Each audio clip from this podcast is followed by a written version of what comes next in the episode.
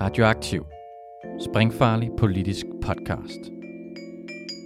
Følg os, like os, del os, læn dig tilbage og nyd en frisk blandet cocktail af skarpe vinkler, dybtegående analyser og farlige debatter.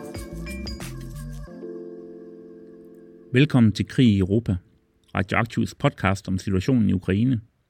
Mit navn er Jeppe Rode, og jeg har haft en lang samtale med Johannes Vamberg Andersen, som er venstreorienteret og har boet i Kiev i næsten 20 år. Nu er han så flygtet til Danmark fra Putins invasion, sammen med sin ukrainske kone og deres to små børn. Her i første del taler vi blandt andet om den orange revolution i 2004 og 5, Majdan-oprøret i 2014, samt annekteringen af Krim samme år. I næste afsnit taler vi mere om den aktuelle invasion og om Ukraines fremtid. Interviewet er optaget tirsdag den 15. marts 2022 i Solidaritetshuset i København. Jeg håber, du vil hænge på.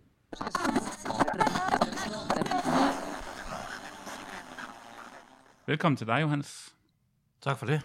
Øhm, kan du starte med at prøve at fortælle en lille smule om, hvordan dit liv så ud for tre måneder siden? Uh, jamen, først og fremmest så har jeg jo uh, to uh, små børn på 3,5 og 6,5 år. Og de gik jo i uh, skole og børnehave. Og min datter der på 6, hun gik i første klasse, og jeg havde faktisk allerede på Øh, det er cirka halve år her, som der var gået øh, siden øh, ja, sommerferien, havde hun faktisk fået læ- lært at læse og skrive, øh, og også regne til 10 i hvert fald. Øh, det, var jeg, det var vi rigtig glade for og stolte over, fordi vi var selvfølgelig nervøse for øh, hele den store skolestart. Det er en af de reformer, der er, som de få reformer, kan man sige, der er kommet igennem i Ukraine øh, siden øh, Majdan-oprøret. Øh, at øh, der er sådan en, øh, at, at der ikke kun er pæseskole mere, at børnene ikke som tidligere nødvendigvis skal kunne læse og skrive, før de kommer i skole, og man derfor ikke bliver udskrevet og mobbet, fordi man ikke kan læse, når man starter i første klasse. Øh, og det var, det var en stor glæde at se. Og så havde vi jo en øh, fødevareforretning, øh, eller virksomhed, hvor især min øh, hustru, som er ukrainer, øh, forsøgte at banke øh, sådan en, en virksomhed op, hvor vi lavede øh, frosne øh, frikadeller og boller i kaj og, og øh, hvad hedder det, frikad, hvad hedder det kyllingfrikadeller med øh, tørrede øh, tomater og fetaost i og sådan noget til, til ukrainerne, fordi der er ikke, ikke så meget af sådan nogle færdigretter derovre, øh, meget mindre end det vi har her. Mm. Øh, mens jeg forsøgte at banke nogle øh, NGO-projekter op og forbedre jernbanenettet i Ukraine, så der er meget at tale om. Okay, ja. Og så har du også øh, skrevet en lille smule som freelance journalist. Øh, nogle ja, altså ja, selvfølgelig, når der er brug for mig, så skriver jeg som, øh, så jeg fungeret som journalist. Jeg er uddannet historiker, men har fungeret som journalist i mange år på Weekendavisen og Information tidligere, og i Danmarks Radio på orientering, og det, det, det senere tid, der øh, dækkede jeg Ukraine for nogle udlandske øh, medier, blandt andet den tyrkiske verdenskanal, altså Tyrkiets svar på BBC World. Ja, Hvordan, øh, hvordan øh, boede I øh, i Kiev, Kiev eller, eller bor, eller hvordan man nu skal sige det? Ja, vi har stadigvæk vores lejlighed stående jo. Ja. Øh, vi havde en uh, lejet en, uh, en treværelses lejlighed, uh, sådan lidt på fremlejevilkår, så man er ikke rigtig beskyttet af lov, lejelovgivning og sådan ting derovre.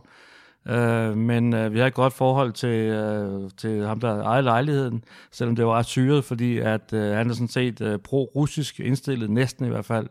Øh, og hans, øh, hans datter havde, havde været nødt til at flygte, som de så det, øh, til Hvide Rusland øh, efter Majdan-oprøret, fordi de synes det var alt for farligt der blev skudt i gaderne og sådan ting. Øh, så han, han, alt det, der sker i Ukraine for tiden, det skylder han på, på de farlige øh, Majdan-oprør, og, og, og man ligesom rocked the boat øh, dengang. Mm. Men, men vi boede i sådan et område, der svarer lidt til Christianshavn, øh, tæt på øh, Dnipro-floden, og hvor vi gik turen ned til, og vi havde øh, venner ind og ud af huset hele tiden, og på den måde havde vi et øh, stresset liv, fordi vi ikke havde helt penge nok, fordi vi var ved at banke en ny virksomhed op. Men, øh, men, øh, men vi havde også et øh, rigtig godt socialt liv. Hmm. Og nu er I jo faktisk øh, på flugt. Ja, altså det er jo lidt surrealistisk, fordi at der er nogen, der siger, at jeg må ikke må, må lege offer øh, her. Men altså, vi har jo været nødt til at, at, at flygte. Vi talte sådan set om at flytte til Danmark, fordi vi gerne vil have, altså emigrere til, re-emigrere til Danmark. øh, fordi vi egentlig måske gerne vil have, at vores børn får en dansk opvækst øh, med alt, hvad det indebærer. Øh, trods de mangler det selvfølgelig også selv i det danske samfund. Øh, men, øh, men det ville vi jo gerne have gjort, lavet så til sommer eller næste år igen måske på en kontrolleret udgave. Nu skulle vi lige pludselig pakke alting på to dage.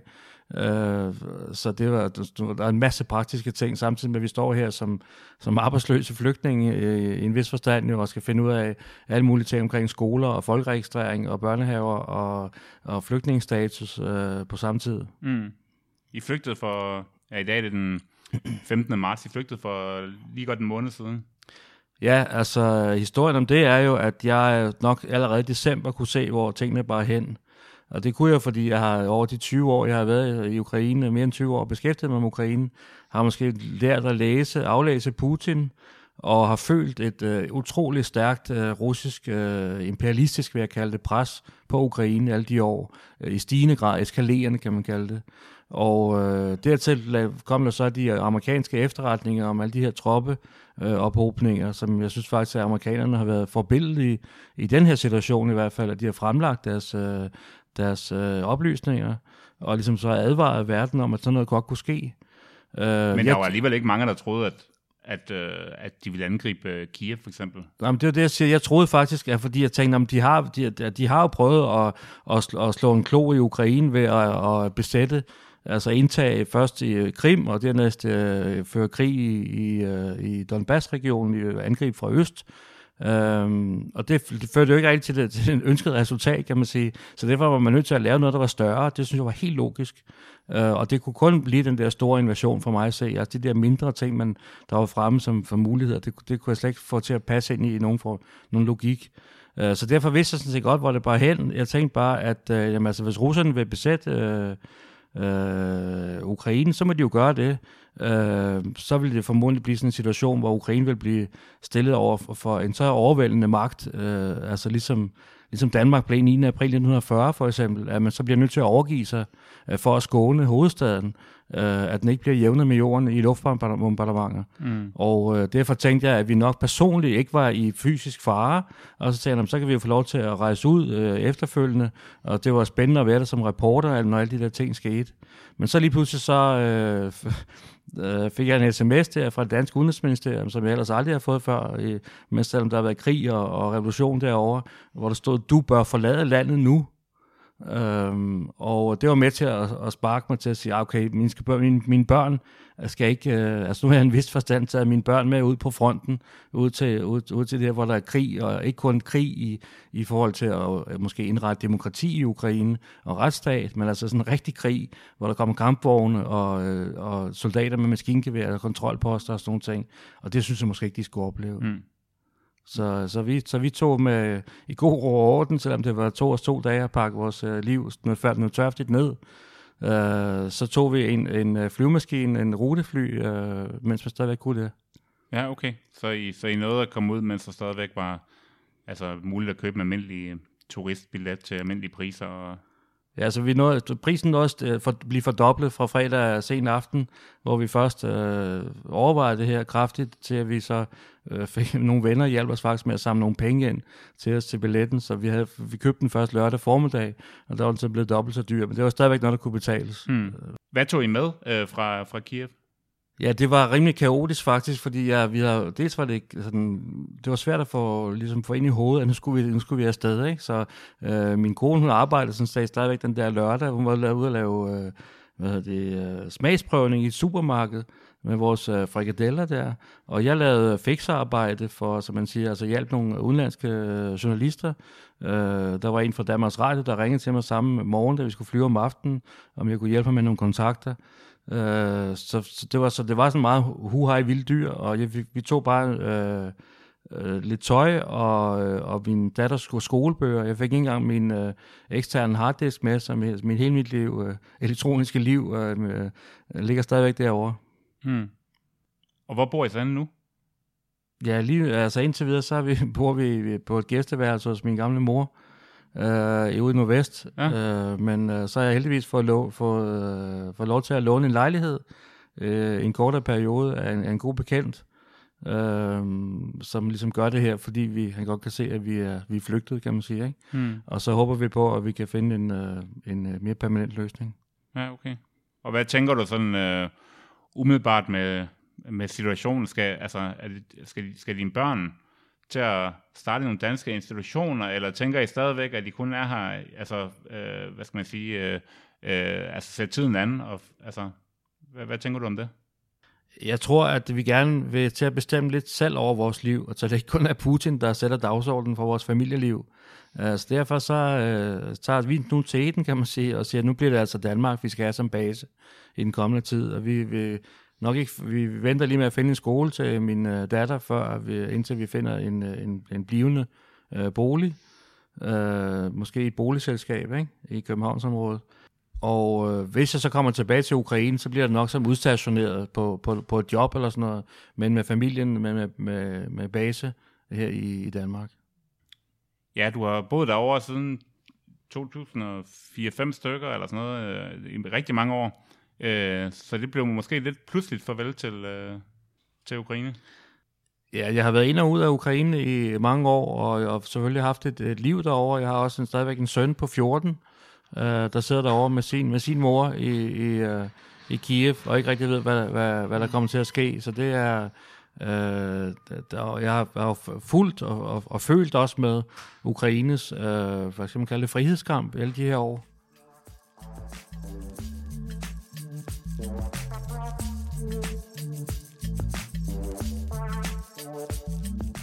Du fortælle en lille smule om din baggrund her øh, fra Danmark? Jamen, jeg er øh, gammel øh, venstreorienteret, øh, venstreorienteret og øh, historikeruddannet, og øh, det siger jeg på den måde, fordi jeg følte jo virkelig, at dengang vi blev, vi blev skolet i, i VS og, og, og i til dels enhedslisten, øh, der, der var det næsten at få som, som at få en, en, en nummer to uddannelse øh, ved siden af.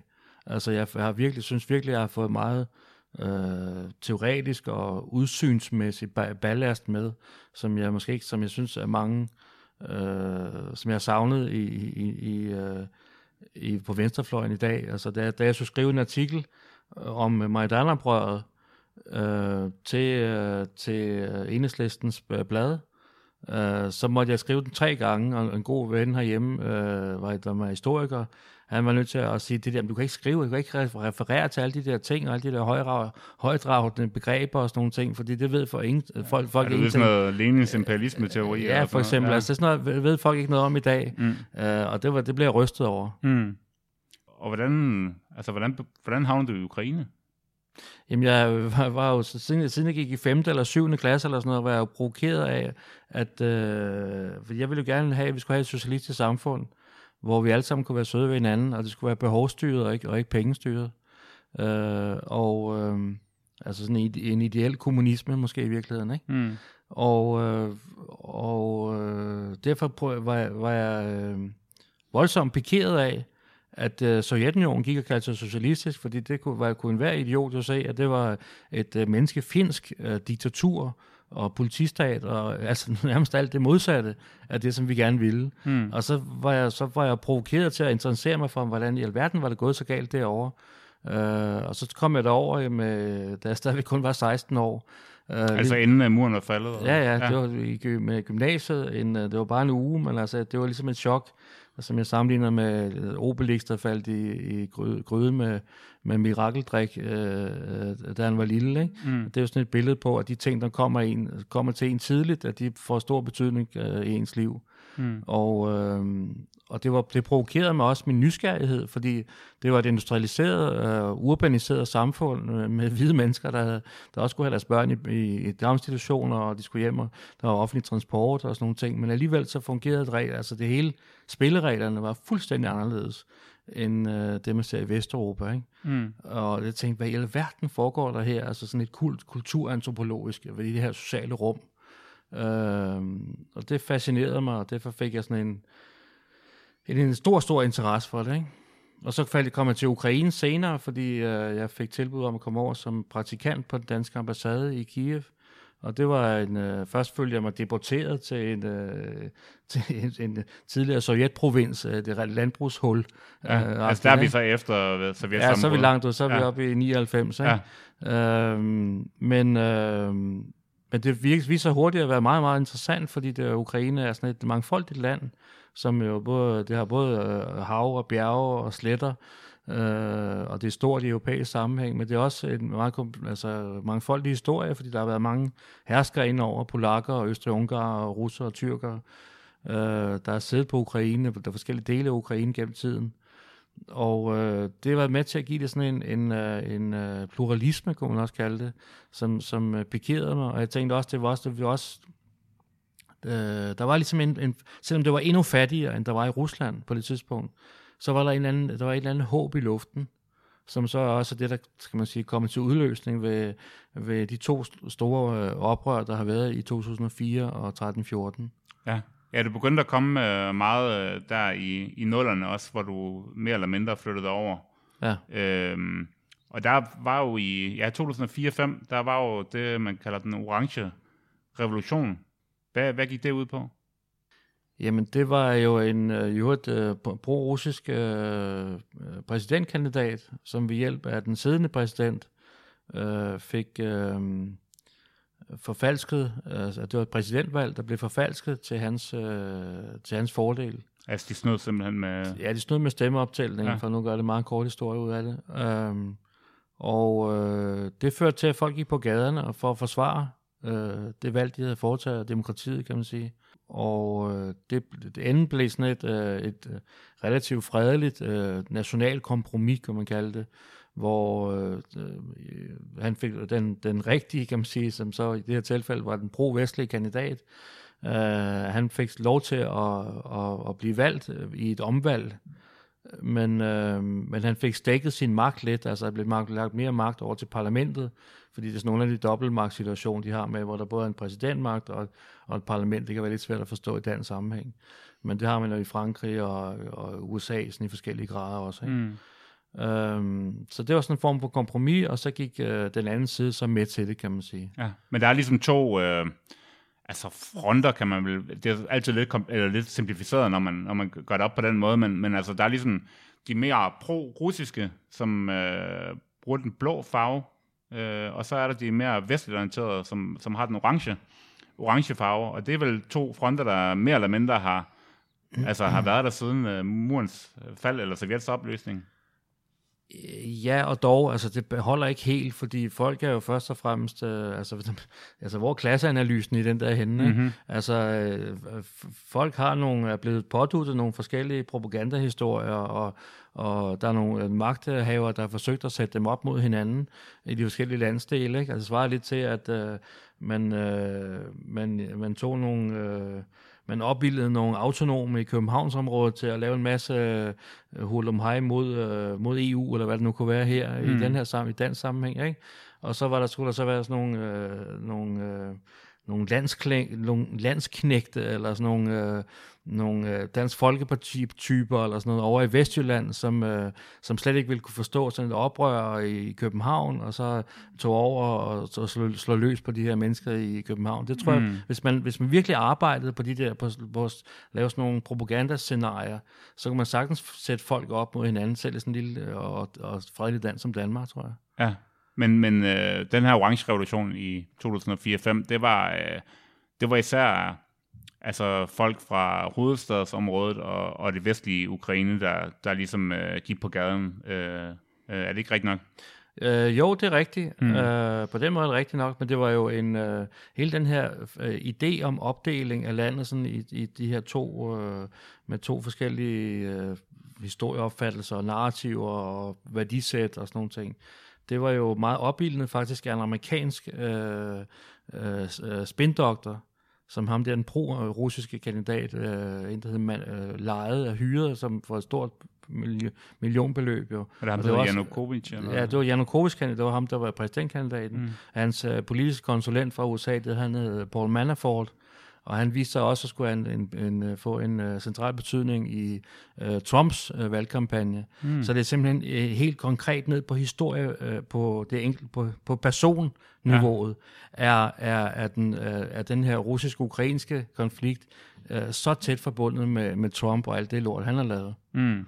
Altså det, som det handlede om, det var det, man kalder en sydstats uh, strategi hvor man, hvor man forsøger at sætte, uh, hvor, hvor, uh, hvor Manafort havde, det han havde med i sin pose, var den der erfaring fra USA med, at man kan prøve at opbilde uh, sydstaterne uh, til at føle sig uh, underrepræsenteret og, og, og, og ydmyget og sådan noget mm. af, af nordstaterne, så sætte så sæt sådan nogle, sæt sådan nogle uh, store uh, regioner op mod hinanden.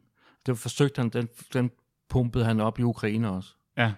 Jeg kommer til at tænke på noget med altså Dansk Folkeparti eller deres anti-københavner ting. Øh, de får i hvert fald rigtig mange stemmer i Vestjylland og Sydjylland og Nordjylland. Ja, men nu Grim, jeg kom selv til at, at lave sådan lidt øh, højre-venstre politiske ud af det. Det er måske lidt forkert, fordi det er først og fremmest identitetsspørgsmål. Det er sådan noget med, øh, hvem, hvem, hvem vi føler os, om vi føler, om vi identificerer os med det store Rusland, eller med, mm. eller med Sovjetunionens øh, helte, eller vi identificerer os med, med ukrainske partisaner ude i Vestukraine for eksempel, som kæmpede for et frit Ukraine, men også øh, så på et vist tidspunkt øh, samarbejdet med tyskerne. Ikke? Øh, ja. øh, så det med, og, og det er sådan nogle, det er sådan nogle, så det er ikke, ikke politisk sådan i forhold til højre og venstre.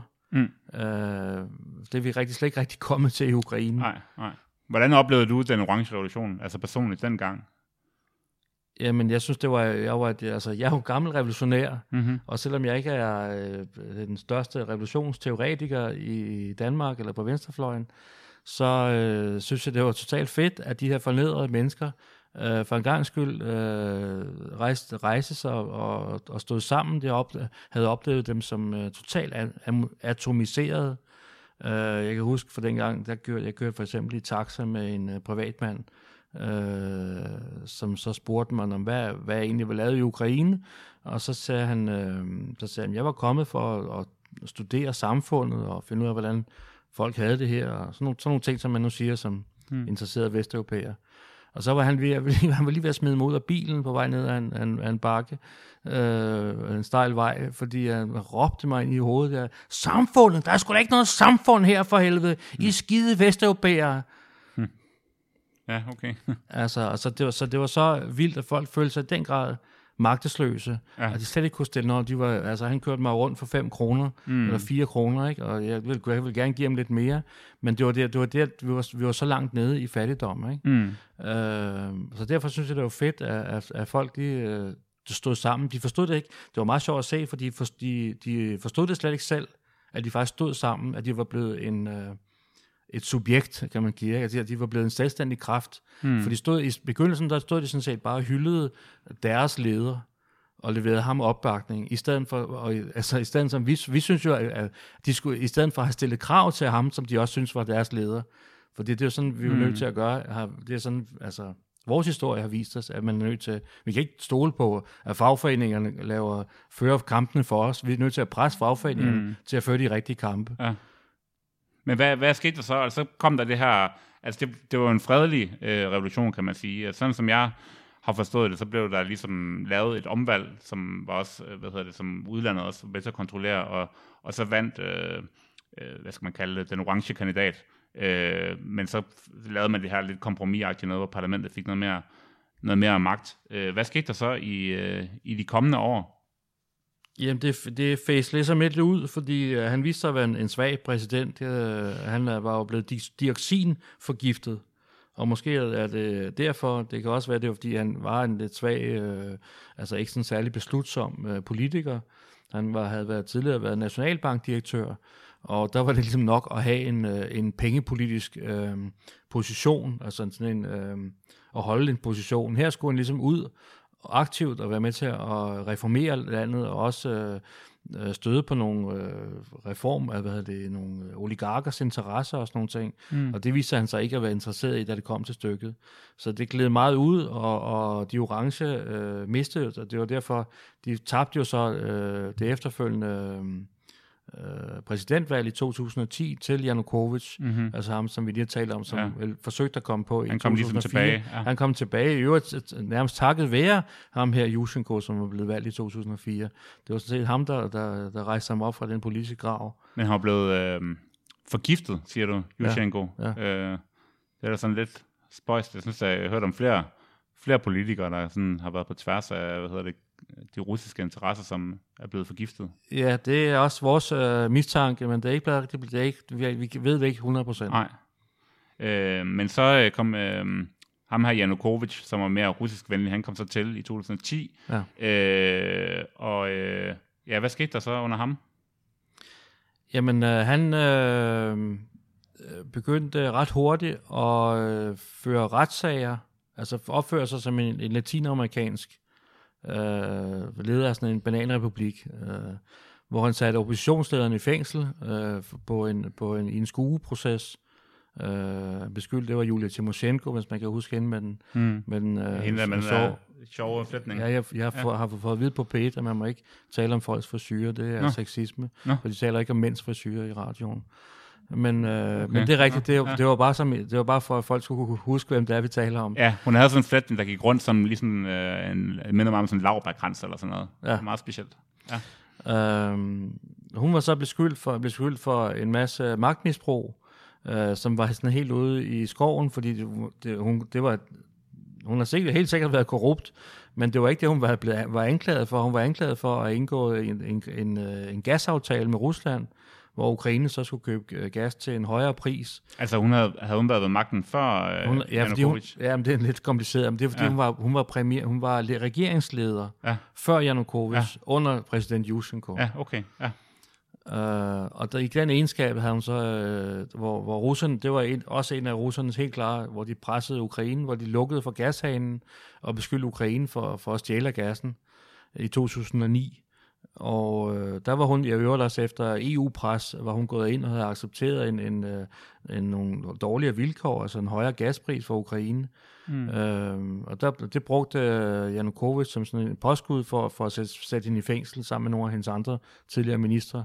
Og den retssag var, var jeg faktisk med til at, øh, at overvåge øh, sammen med den danske Helsinki-komité for menneskerettigheder. Mm. Så det har jeg et ret indgående kendskab til, hvor, øh, hvor meget det var en skueproces. Ikke? Og, og han, øh, Janukovic, han tiltog sig også øh, mere magt. Altså han kuppede forfatningen, der, der var blevet lavet nogle forhandlings, forvat, for, forfatningsændringer, som vi tidligere talte om under, øh, under, i forbindelse med den orange revolution. Dem omgjorde han, så, så præsidenten lige pludselig fik mere magt. Mm. Øh, og, altså meget mere magt, end han, han, end han var valgt til at, at have. Øh, og så begyndte han også at opføre sig sådan en, som en mafiaboss øh, sammen med sine øh, sønner, hvor ordet familie fik sådan meget, ikke, det var ikke kun sådan en mafiafamilie, eller sådan en stor, stor familie, men det fik sådan en meget konkret betydning, at det var Janukovic og hans sønner, altså, altså sådan en kernefamilie næsten, Mm. som, øh, som begyndte at, at, at, at simpelthen rane landet i en grad, som ikke engang Ukraine havde været vant til. Okay. Hvor selv øh, de store oligarker, som altså var store øh, mediemonguler og industrialister, og, øh, altså, som var milliardærer, de også følte sig under pres.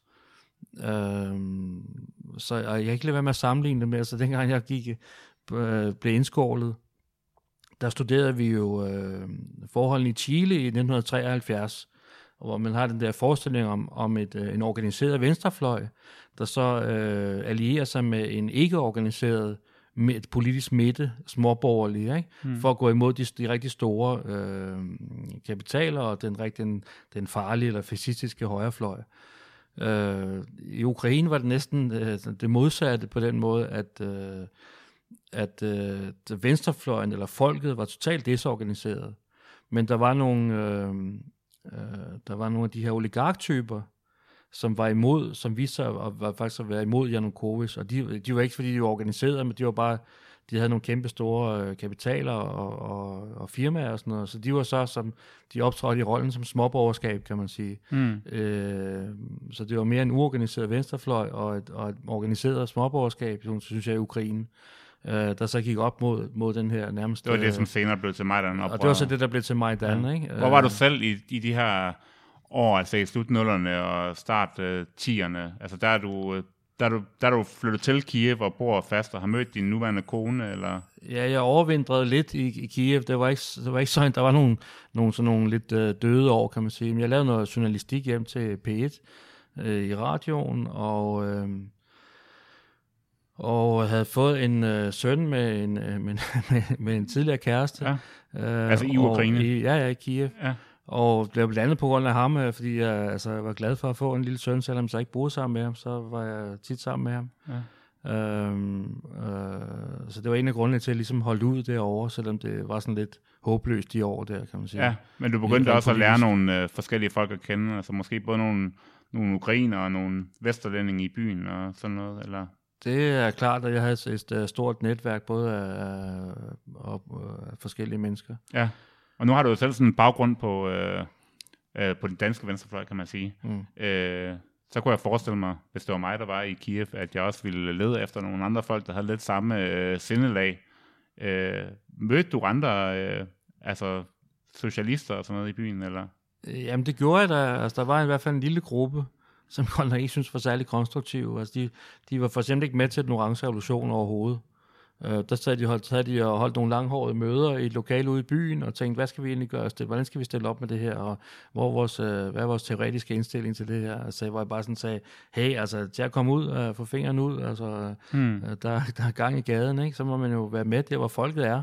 Ja. Og selvom man, det, er jo ikke noget, det var ikke noget øh, venstreorienteret oprør, jo, men altså, jeg har jo lært, altså, jeg ved ikke, om det er Lenin eller Marx, eller hvem af os, der har lært det, at man er nødt til at komme ud af feudalismen først, og på mm-hmm. en mhm. vis måde, så synes jeg jo, at uh, Ukraine stadigvæk var i en uh, feudal, i hvert fald lignende situation, fordi især jo ude i Øst-Ukraine, uh, hvor det, der Janukovic, uh, som vi talte om tidligere, han havde, havde været guvernør derude, og havde indrettet sådan en, en uh, nærmest en etpartistat, hvor både øh, stålbaronen, som var milliardær, og øh, de lokale øh, bosser og, og helt ned til øh, stålværksarbejderen på gulvet skulle stemme på det samme parti. Og hvis ikke de gjorde det, så øh, fik de det øh, indpisket af Schackbeisen, at øh, I ved nok, hvad for et parti I skal stemme på. Og folk turde ikke stemme anderledes, fordi de var bange for, at, øh, at det på en eller anden måde kunne opdages, hvad de havde stemt på inde i stemmeboksen. Mm.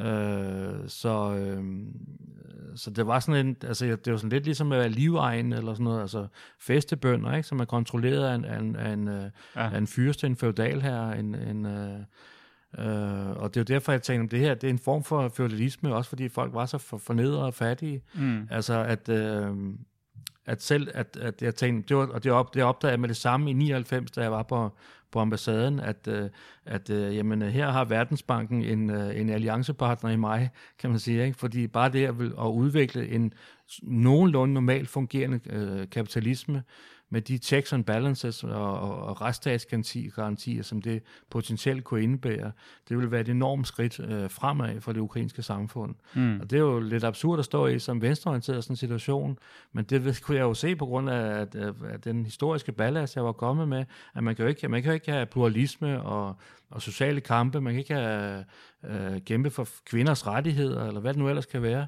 hvis ikke man har et, øh, øh, altså et, et øh, hvad skal man sige, en fri forfatning og en ytringsfrihed, forsamlingsfrihed, mm. alt det vi, det, vi tænker, kender, så, gentegner, øh, kender fra vores øh, Så du oplevede ikke, at der var sådan samfund, en, ikke? altså udover nogle små bitte, små bitte, bitte lukkede grupper, så oplevede du ikke, at der var en venstrefløj i, i Ukraine øh, på det her tidspunkt? Nej, der var ikke, ikke nogen venstrefløj i Ukraine. Øh, og der var ikke, der var et kommunistparti, som var helt fuldstændig udholdeligt. Øh, de sad bare og gentog, øh, hvad Putin sagde. Og, øh, og i øvrigt så var de bare halehængt til, til de aller værste af, af storkapitalen. Altså i parlamentet, der stemte de sammen med, med, med Janukovics øh, regeringsparti, for eksempel. Mm. Ikke? Øh, imod, klart imod de arbejdendes interesser. Hvad var Putins øh, interesser i Ukraine øh, dengang og nu, kan man sige? Jamen, det er øh, det bliver så et kondensat af, af mit indtryk for over, over 20 år, men mm. altså han, han har nogle imperiedrømme, nogle stormagtsdrømme, så kan, som vi kan se også i den tid. Han vil gerne sidde på Ukraine, han vil gerne have Ukraine med tilbage øh, i, sit, øh, i sit imperium. Dengang han klarede han det ligesom ved at korrumpere øh, de ukrainske eliter, blandt andet via, via gashandlen. øh, øh, vestover. Det er jo også derfor, at øh, hende Timoshenko med, med, med flætningerne, øh, han har sagt, at hun faktisk, øh, politisk var hun faktisk gået ind for en højere gaspris for Ukraine. For hun sagde, at vi, skal ikke, vi vil ikke have nogen vendepris.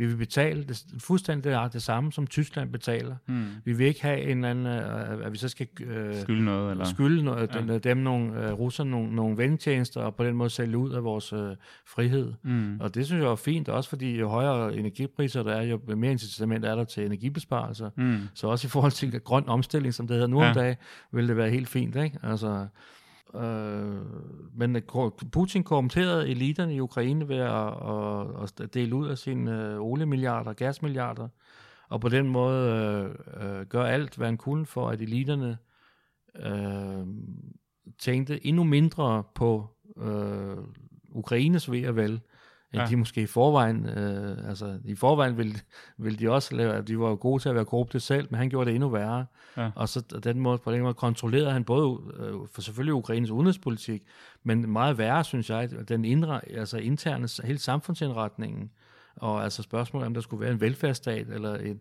eller en retsstat, eller et fungerende demokrati, øh, egentlig i Ukraine. Mm.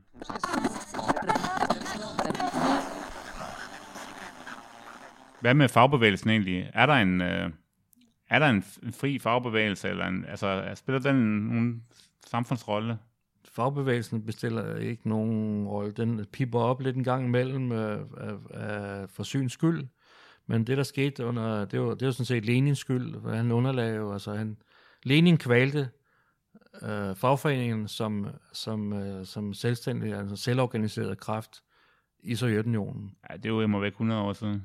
Jamen, det, de har ikke rejst sig siden. Hvor skulle det komme fra? Ja.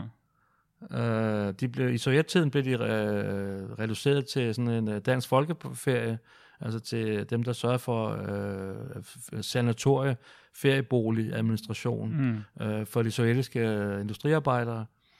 Og øh, det, har, det har aldrig ændret sig. Det har kun ændret sig på den måde, at da Sovjetunionen gik i opløsning, så opstod, så var fagforeningerne jo frie, øh, fordi de ikke formelt set var underlagt staten.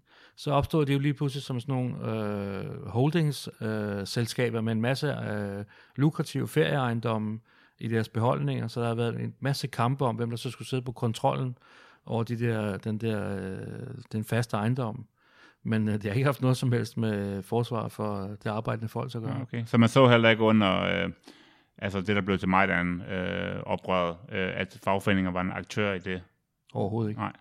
Okay, men øh, du, du boede så i øh, Kiev og var rimelig tæt på orkanens øje i de her, i de her øh, år under Janukovic. Øh, og det ender med, at der, altså, der, der, der kommer en masse demonstrationer, og en, der er en meget stor vrede, som, som lige pludselig eksploderer, og, øh, og de, Majdanpladsen ligger inde øh, meget centralt i, i Kiev, og kan sammenlignes med øh, Rådhuspladsen eller Kongens Nytorv, eller sådan et eller andet, ikke? Øh, og der besætter de den her plads. Øhm, og, og hvad er det for en bevægelse, du ligesom oplever der? Altså, hvad, hvad, hvad er det for nogle, for nogle mennesker? Og hvad vil de? Og, Ja, altså det der var sket var jo, at øh, Janukovic, øh, altså først han satte oppositionslederen i fængsel, øh, så var han begyndt at stjæle og, og rane, både fra høj og lav i, øh, i, i samfundet. Men han var alligevel samtidig gået med til øh, den her associationsaftale med EU, som ikke bare var en handelsaftale, men som blev set som et, Øh, en, en redningsplanke for, for Ukraines udvikling i det hele taget. en form for hensigtserklæring mod et senere EU-medlemskab? Ikke, ikke på den måde, men, øh, men det var noget, der var startet øh, som svar på orange-revolutionen faktisk. Men allerede i 2007 begyndte man fra EU's side at tale om sådan en, en at, at, EU, at Ukraine skulle ligesom knyttes tættere til EU, uden, uden, uden et egentligt medlemskabsperspektiv, fordi mm. det var alligevel for tilbagestående og for kaotiske samfund. Og den, kom, den øh, proces kom til at tage meget længere tid end, øh, end oprindeligt øh, planlagt. Så først i 2011-12 lå, lå den her øh, store aftale øh, færdig til, på, på embedsmandsniveau, som man siger. Ikke? Øh, men der sagde, der sagde EU faktisk stop, og sagde, altså, jamen, altså, du smider jo oppositionslederen i fængsel, og det har den danske Helsinki-komité for menneskerettigheder, øh, øh, hvad hedder det, øh, skrevet en, en, en flot rapport om. Øh, så det kan vi ikke tage alvorligt. Det var nærmest sådan, det kom til at være. Mm. Øh, så vi kan, ikke, vi kan simpelthen ikke, vi kan ikke, der hvor EU optrådte værdipolitisk og ikke imperialistisk. Altså EU kunne godt have lukket øjnene for øh, Janukovic's øh, magtmisbrug, men det sagde man, det, vi kan ikke, vi kan, vi kan, rent, vi kan ikke som EU, som med vores europæiske værdier, mm. indgå et så nært samarbejde, selvom det overhovedet ikke var medlemskab endnu, Mm. med et land, som opfører sig, hvor lederne øh, opfører sig som øh, bananrepublikker. Ja. Øh, og så gav man Janukovic to år, frem til 2013, til at få mere styr på retssamfundet, og man øh, vinkede med en vognstang om, at han skulle sætte øh, Timoshenko på fri fod. Øh, men der var også en masse ting omkring øh, kriminallovgivning og retsplejen og sådan nogle ting, der skulle, der skulle reformeres. Øh, og i de to år, øh, der nåede Putin at vågne op, og så han kunne ligesom se, at, han, at Ukraine var ved at glide ham af, af hende. Og han begyndte allerede i sommeren 2013 at lave handelskrig, øh, hvor han pålagde øh, ukrainske varer ekstra tolv, øh, hvor det gik ud over øh, ukrainske producenter af børnetøj og alt muligt andet. Mm. Og øh, han pressede også efterfølgende Janukovic personligt ved et møde nede i Sochi. Og det blev til, at, øh, den, at øh, Janukovic simpelthen sprang fra det her øh, øh, øh, øh, europæiske integrationsprojekt for Ukraine en uge før, at øh, aftalen skulle være indgået.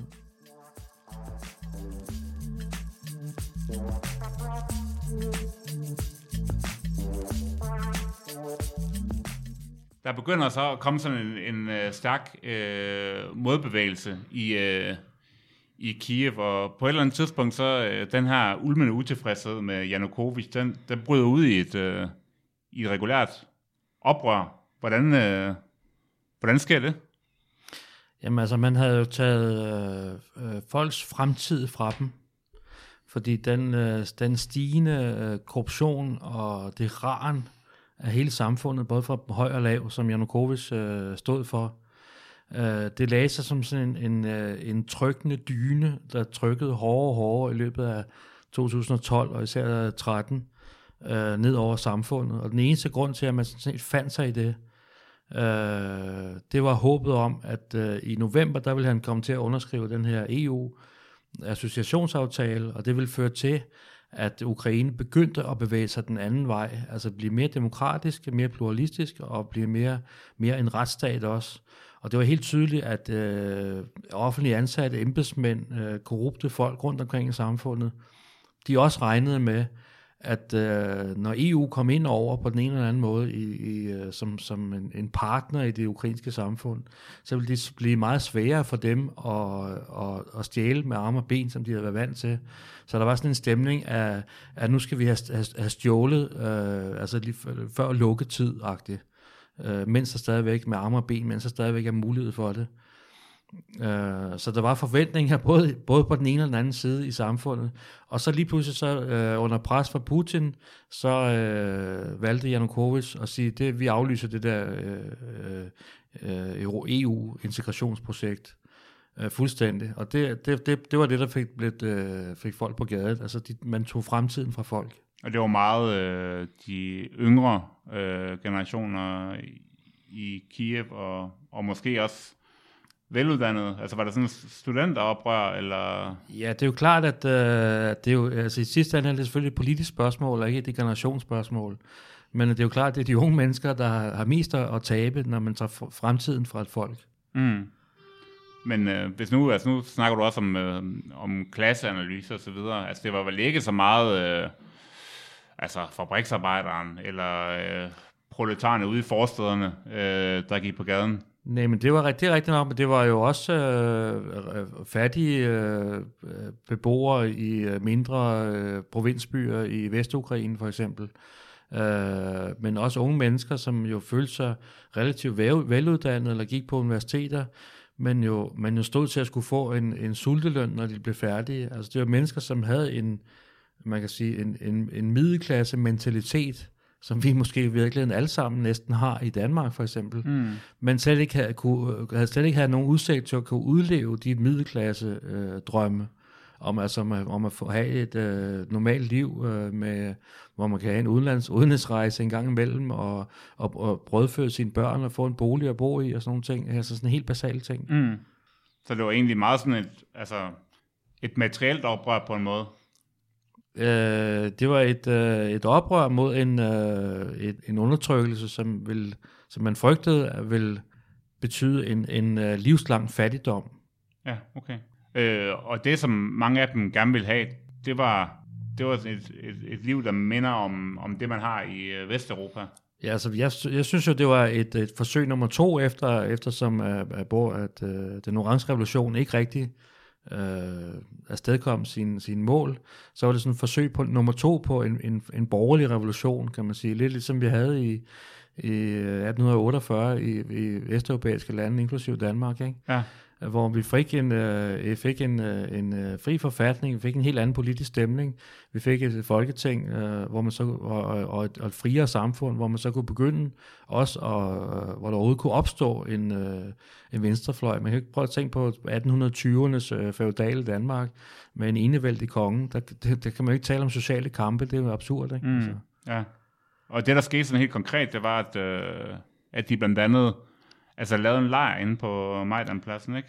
Ja, altså det var sådan en klassisk øh, pladsrevolution, selvom jeg ikke tror, at de var... Øh, det kom jo lige efter det, det Egypt, hvad hedder det, det egyptiske Nå, forår, Ja, hedder det? arabiske forår, ja. arabiske forår. Øhm, men jeg tror faktisk ikke, de var øh, in- inspireret af det, fordi det var et meget lukket samfund, kan man sige stadigvæk, der ikke var, så så meget udad. Men, øh, men, men der var den der følelse af, at nu sætter vi os her på, på Rådhuspladsen og, og, og afspærrer os hos Andersens Boulevard, hmm. hvis man skal sammenligne det med København. Øh, og på, og der, på den måde manifestere fysisk, at øh, vi vinder noget andet. Det, folk begyndte at bygge øh, barrikader også, Ja. men det var ikke fordi, de skulle forsvares korporligt. Det var helt klart ikke volds øh, i udgangspunktet. Under de første, en af de første rydningsforsøg fra, fra politimyndighedernes side, kom, kom bare en af barrikaderne så til at fungere som et slags skjold alligevel, fordi der var sådan nogle, en, øh, nogle brede politikæder, der pressede øh, menneskemængden øh, ind på pladsen, men de kunne ikke presse dem længere ind til barrikaden, så den kom til at fun- fungere som sådan en vold alligevel, men ikke, ikke sådan aktiv voldelig på nogen måde. Mm. Var du selv med inde på øh, Majdanpladsen engang? Øh, ja, det kom til at stå på i over tre måneder, og jeg var der næsten hver eneste dag. Altså, jeg var også, jeg havde holdt nogle få fridage, jeg var oppe og se til min søn, fordi jeg tænkte, at han skal ikke føle, at det går, det er, går ud over ham, det her. Mm. Ja, tværtimod var det jo blandt andet for ham. Ja. Okay, men altså, der, der er en masse primært unge mennesker, der besætter øh, rådhuspladsen, kan man sige. Øh, politiet kommer og selvfølgelig og vil rydde den, øh, og der viser sig bare at være ret stor folkelig opbakning til øh, den her besættelse, og også modstand. Altså politiet de ender med at, at trække sig i første omgang, eller hvad? Det var en demonstration for at få Janukovic alligevel til at skrive under på den her EU-aftale. Øh, og den skulle kun vare den uge, der var tilbage op til det her EU-topmøde, hvor Janukovic skulle, skulle tage til, det var så i Vilnius, hvor han mø- mødte op, selvom han ikke ville skrive under. Det var helt fuldstændig absurd. Mm. Øh, da han så kom tilbage derfra, og, og, og han ikke havde skrevet under, så var stemningen, jamen så var det, så var det slut på det her. Fordi så var der ikke andet at gøre, så måtte man jo hjem og, og omgruppere sig, kan man sige, og så vente på, at der skulle være præsidentvalg om et godt et års tid øh, på det tidspunkt. Men øh, det, det, der så skete, det var, at øh, de, til sidst, der var 300-400 øh, mest unge mennesker tilbage på pladsen, som i virkeligheden, den nat der, som i virkeligheden bare ventede på et morgentog, de kunne komme hjem til deres provinsby med, og hang ud, kan man sige. Mm. Og jeg var henne og samlede nogle skilte op og sådan noget, som folk havde efterladt. Det var virkelig sådan en afterparty-stemning. Mm. Og, men så klokken 4-5 om natten der, eller om morgenen, så slog politiet til og, og, og tæskede de her stakkels unge mennesker og gav dem øh, knibelsov. Det var lige sådan for at markere, øh, at de skulle ikke øh, bestemme over Janukovic her. Og det blev simpelthen dråben for hele, for nærmest, altså fald for halvdelen af Ukraines befolkning, øh, det som vi tidligere talte om i, i midt- og vest, mm. Vestukraine, at man i den grad bankede løs på det, der så blev kaldt nationens børn, de unge mennesker, Mm. øh, hvor man så virkelig begyndte at stå sammen som, som nation på den måde. Det, der, jeg, var, jeg optog noget, noget af det der, nogle af dem, der fik tæsk, øh, fordi jeg havde siddet og ventet på, at der måske kunne ske sådan noget. Så øh, mit, mit øh, relativt korte videoklip, det var nogle af de få øh, klip, som nationen vågnede op til, dagen efter. Altså, du var inde på pladsen øh, der midt om natten? Der... Jeg var der ikke lige, da det begyndte, men jeg blev, der var nogen, der kom løbende ind, der hvor jeg sad i nærheden og ventede på det, okay. som flygtede fra det, og så gik ja. jeg ud den forkerte vej, og gik mod strømmen, ikke? Ja. og gik ud og se, så hvor meget jeg kunne filme på min mobiltelefon der. Ikke? Ja. Og så fik jeg så også knibbelsåb, jeg fik en, øh, en øh, lige, lige i hovedet, ikke? Ja. og lå hjemme med, med jernrystelse, men næste dag, så var der næsten en million mennesker på gaden, ikke? som sagde, nu skal vi altså ud med, der var det ikke, der var det ikke så meget for EU mere, mm. protesterne, selvom det var, EU stod som et, øh, øh, altså som en civilisationens anker på en eller anden måde, set fra Ukraines side, mm. men det var simpelthen for, at nu skal vi altså ud med ham der, Janukovic og hans øh, tyranni. Ja, og det blev sådan en langvarig kamp, og det kan jeg da huske, det, øh, det fyldte jo også en del i de danske medier, i de der i de der måneder. Øh, men hvordan var det, det altså, hvordan endte det så? Det endte med, at sikkerhedsstyrkerne øh, nedskød jo øh, næsten 100. Øh, først var der nogen, der blev tæsket ihjel øh, nogle dage forinden, og så øh, var der nogen, der blev simpelthen skudt øh, i koldt blod, ikke? Altså nedskudt, altså ubevæbnet. De stod med, stod med nogle skjolde, og man havde måske en kølle i hånden, men det var, det var ikke det var på lang afstand, ikke? Det var, at de blev skudt af, af, af skarpskytter, og blev skudt ned, ikke? Hmm. Og øh, samtidig var EU-toppen øh, på det tidspunkt med til at, at lave sådan et forsøg på at lave en forhandlingsløsning med Janukovic, om at han skulle, han skulle få lov til at sidde næsten året ud som præsident, men at præsidentvalget skulle rykkes lidt, øh, skulle rykkes lidt frem, og han skulle ikke have helt så mange beføjelser, som man havde haft før og sådan nogle ting. Men på det tidspunkt var, øh, var, var det var situationen var, var, var det var helt u, hvad kan man sige det, det, det passer ikke til situationen overhovedet. Ja. Det ville gaden ikke have fundet sig i. Ja, på det tidspunkt der er man vel øh, reelt på randen af en, af en borgerkrig. Altså det er også helt vildt, at de, at de skyder demonstranter, dræber dem. Ja, ja. Der døde, øh, hvor mange? Ja, man taler om cirka 100. Ja. ja. Inden omkring Majdan-pladsen? Ja. ja. Altså, og, og det er simpelthen stod, snipers, der sidder op på tagene? Ja, ja, ja det var, ja. der stod op på en bakke og sådan noget. Ikke? Ja. Altså, der, der har så været alle mulige konspir- konspirationsteorier om, at det var, det var amerikanske, og det var alt muligt, der var hyret ind, og det var, og det, vi har altså ikke set nogen beviser for de der ting endnu. Altså. Øh, men nogle omstændigheder så førte det til, at Janukovic, han simpelthen flygtede, det er en lang historie, men mm. han, øh, man kan se på overvågningskamera, han flygtede i tre helikopter, med, sin, øh, med, med, med nogle af sine stjålne penge, øh, og der han endte så op i, i Rusland, ikke?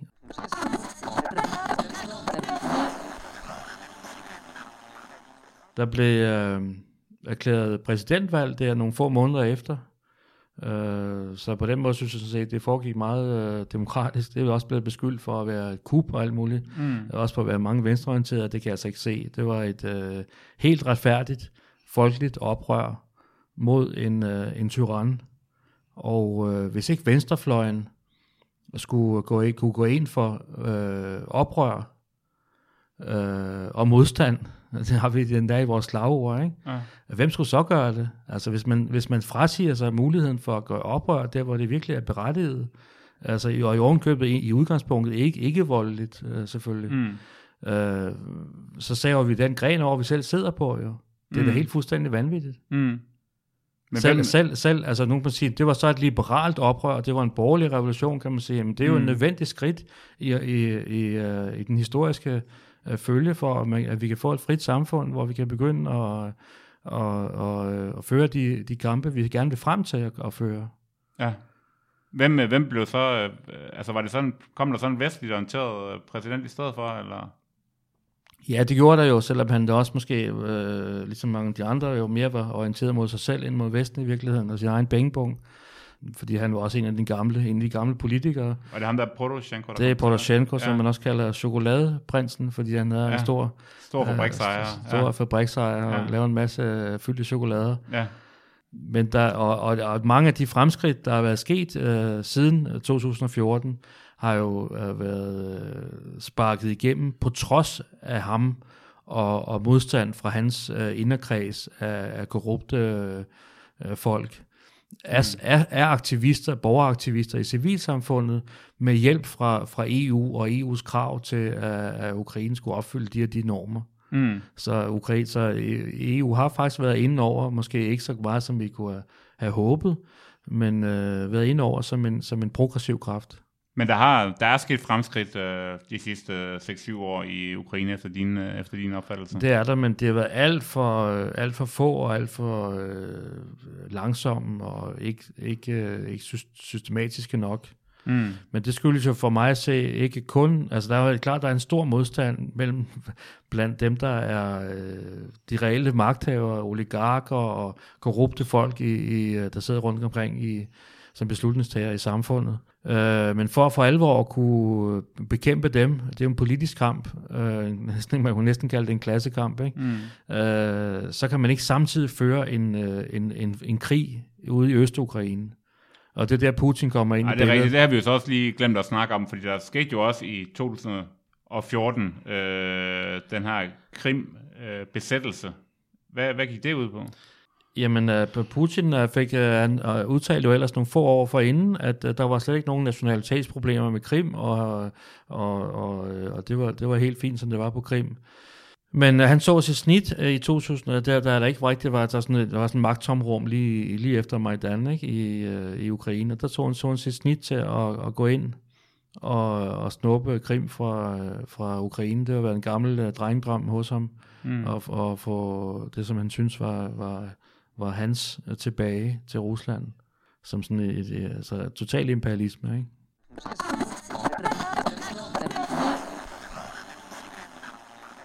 Og her smider jeg lige en pause.